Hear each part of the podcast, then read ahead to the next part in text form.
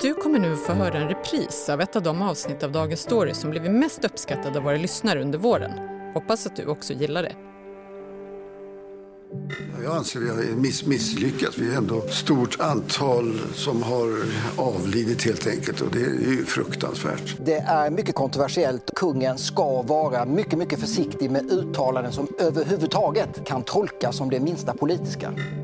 Är det riskfritt för ett kungahus som inte får vara politiskt att engagera sig i corona, metoo och hbtq-frågor? Kungen har ju ingen formell makt, men har ju väldigt stark informell makt. På en kvart berättar vi om det svenska kungahusets vilja att vara en enande kraft i det svenska samhället. Men är vi redo för en woke kungafamilj? Om du är en av dem som inte kan eller vågar vara öppen om vem du är så vill jag bara att du ska veta en sak.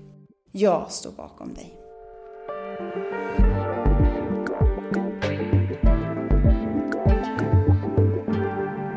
Det är fredag den 30 april. Jag heter Karin Bülow Orje och du lyssnar till Dagens Story från Svenska Dagbladet.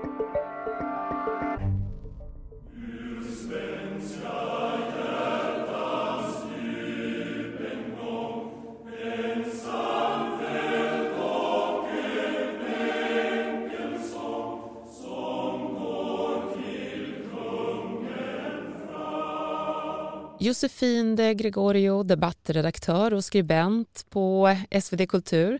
Du har fördjupat dig i kungahusets kommunikationsstrategi. Kan du ge några exempel på frågor som kungafamiljen engagerar sig i? Ja, det kan vara saker som till exempel hbtq.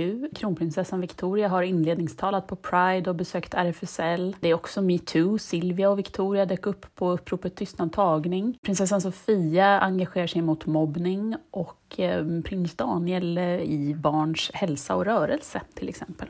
Men har du kunnat se i din granskning att de blivit modigare i sina uttalanden och val av engagemang? Jag tycker nog att de har blivit lite modigare i att det är lite mindre neutrala saker. Förut så associerade i alla fall jag kungen väldigt mycket med naturskyddsfrågor och lite så allmänt som alla kan hålla med om. Men på senare år så har man valt saker som kan vara lite mer politiserande, till exempel hbtq. Men gäller det här även kungahus i andra länder? Ja, nu har vi ju sett hela den här implosionen, eller vad man ska kalla det, av eh, prins Harry och Meghan i Storbritannien. Och, och, där är ju verkligen vad man kan kalla ett identitetspolitiskt uppvaknande. Harry och Meghan har ju pratat om rasism och psykisk ohälsa och intervjuats av Oprah. Så det har ju varit en, en ganska stor förändring i hur det traditionellt ganska strikta brittiska kungahuset har hanterat medier. Att jaget får ta plats på ett annat sätt? Ja, absolut. Jaget och den individuella åsikten. Kungens uttalande i julas om att han ansåg att Sverige har misslyckats i och med att så många avlidit med corona blir snabbt en världsnyhet. Carl XVI Gustav highlighted the growing impact of the virus, a rare intervention from a monarch whose duties are largely ceremonial. Och det är inte enda gången under pandemin som den svenska monarkin har tagit chansen att visa sitt samhällsengagemang. Städa rummen, bädda för nästa patient, lättare omvårdnadsuppgifter. Jag kände väl, precis som väldigt många gjorde, att man ville dra sitt strå till stacken. Prinsessan Sofia har arbetat som volontär vid Sofiahemmet i Stockholm. Victoria och Daniel de ställde till exempel in sin sportlovsresa nyligen. Sammantaget kan coronaåret ses som något av en PR-succé för kungahuset. Och allt oftare går det att skönja överlappningen mellan det privata och det politiska.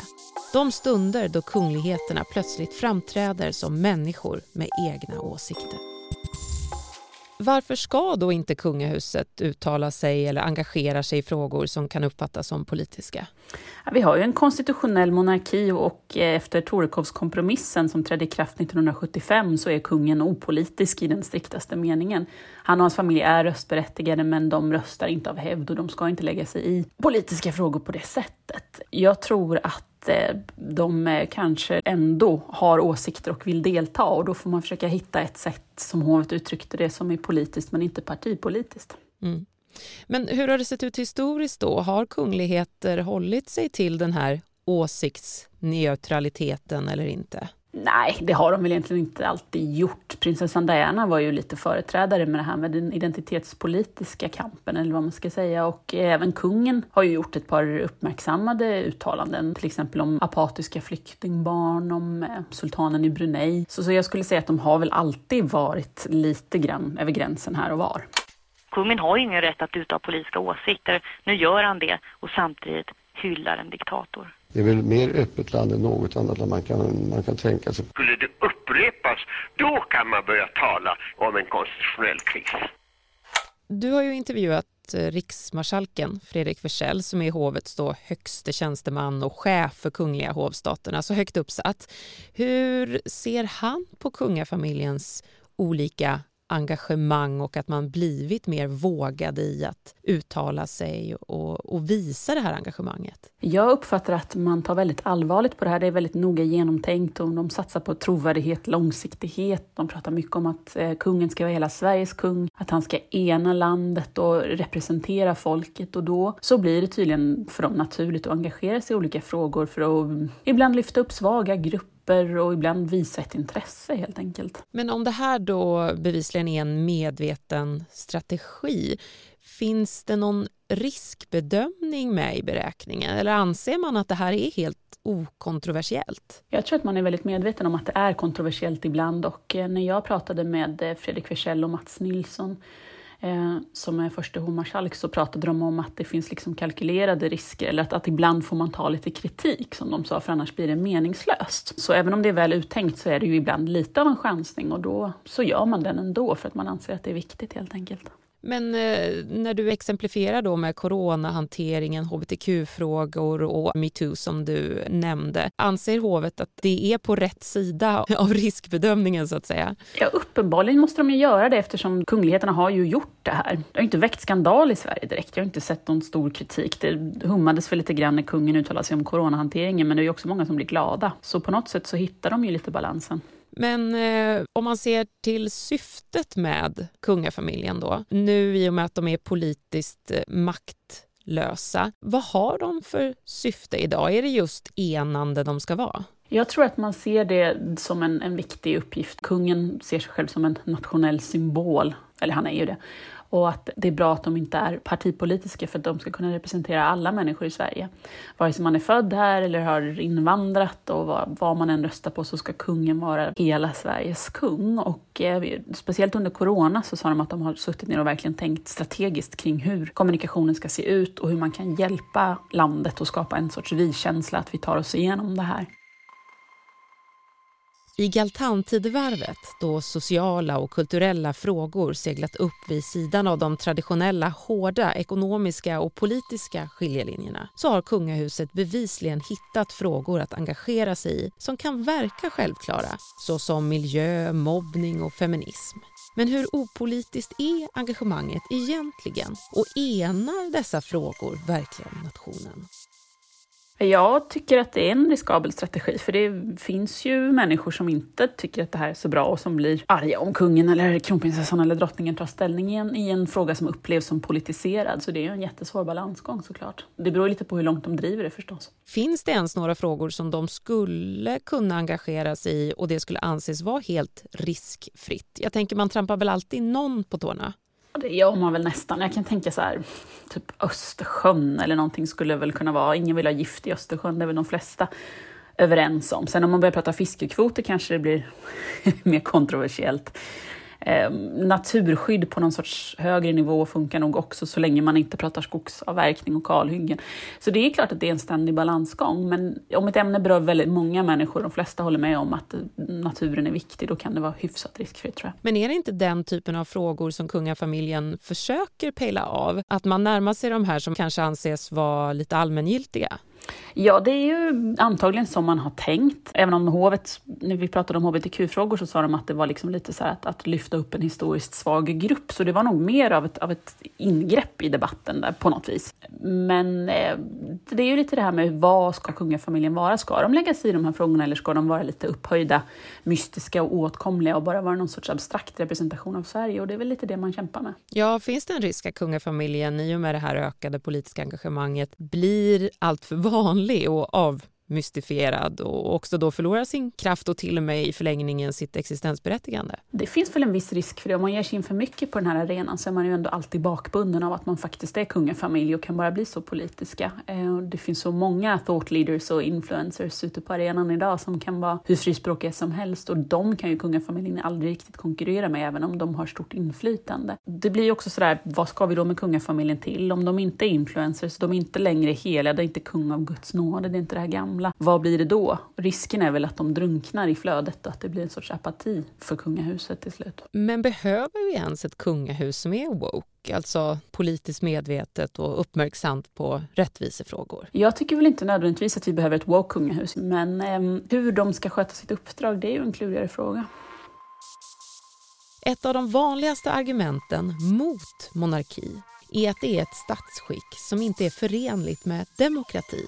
Men de länder i världen som rankas topp 10 när det gäller frihet, demokrati, rättssäkerhet, stabilitet och fred så är sex av dem konstitutionella monarkier.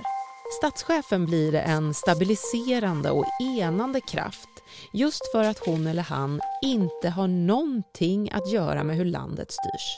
Samtidigt så tycks det svenska kungahusets popularitet öka i takt med att de öppnar upp och visar sina personliga engagemang i frågor.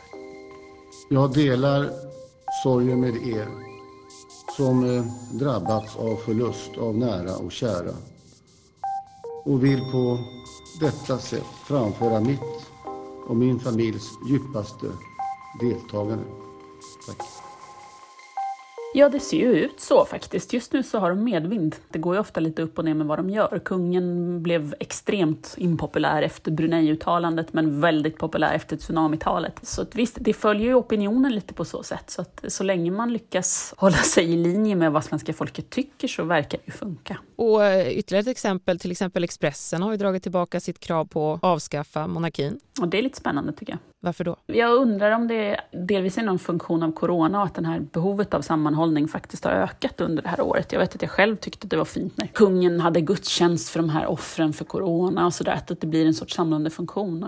På tal om eh, pandemin, DN har ju bland annat på ledarplats konstaterat att kungafamiljen har gjort mer rätt än fel under pandemin och visat på ett sant ledarskap genom att leva som de lär. Ytterligare beröm? Visst förtjänar de beröm. Sen kan man väl tänka också att de bor i jättestora slott och sådär, så att det är ju lite, lite annorlunda än människor som bor i... Det är inte så svårt att isolera sig när man bor på ett slott? Ja, lite, lite så kan jag känna. Men, men det är klart att det har ett eh, symboliskt värde när man som Victoria och Daniel ställer in en skidresa under sportlovet. Det blir ju en viktig markering. I den senaste undersökningen från SOM-institutet vid Göteborgs universitet så vill 54 procent av svenskarna behålla monarkin. 20 procent vill avskaffa den medan 26 procent inte har någon åsikt. Och det är först och främst yngre personer som är likgiltiga inför kungafamiljen och inte bryr sig om deras existens. Hovet följer de här mätningarna noga såklart och är medvetna om att de måste bli relevanta även bland ungdomar och unga vuxna. Idag fyller ju kungen år och han har i och med det låtit sig intervjuas i podden Värvet. Är det en del av den här woke-strategin tror du? Jag tror att det är kalkylerat för att nå en yngre publik helt enkelt. Och just den här gruppen 16 till 29, de bryr sig inte om kungen finns eller inte finns. Så jag tror att det kan vara ett, en tanke där att nå dem. Kungens valspråk är ju för Sverige i tiden. Men räcker det att vara med i en podd för att vara ajour 2021? Ja, det är frågan. Jag tror att det kan finnas lite mer förståelse för om kungen inte är det som trots allt fyller 75. Man kanske inte vill att han ska vara helt ajour heller, utan att han ska vara en liten så här mysig morfar till, till landet på något vis. Och det tycker jag väl att han lyckas med. Men är det först när kronprinsessan Victoria tar över som kungahuset kommer att förändras på riktigt i, i grunden? Liksom. Jag vet inte om det någonsin kommer förändras i grunden, men jag tror definitivt att vi kommer se en eh, mer progressiv riktning när Victoria blir drottning. Att, ja, hon är ändå en helt annan generation och har vuxit upp på ett helt annat sätt än vad kungen hade gjort. Då kommer kungahuset bli ännu mer woke? Ja, det är möjligt. Hur många gånger kan man klämma in woke i en intervju? Josefin de Gregorio, tack så jättemycket för att du var med i Dagens Story. Tack så mycket.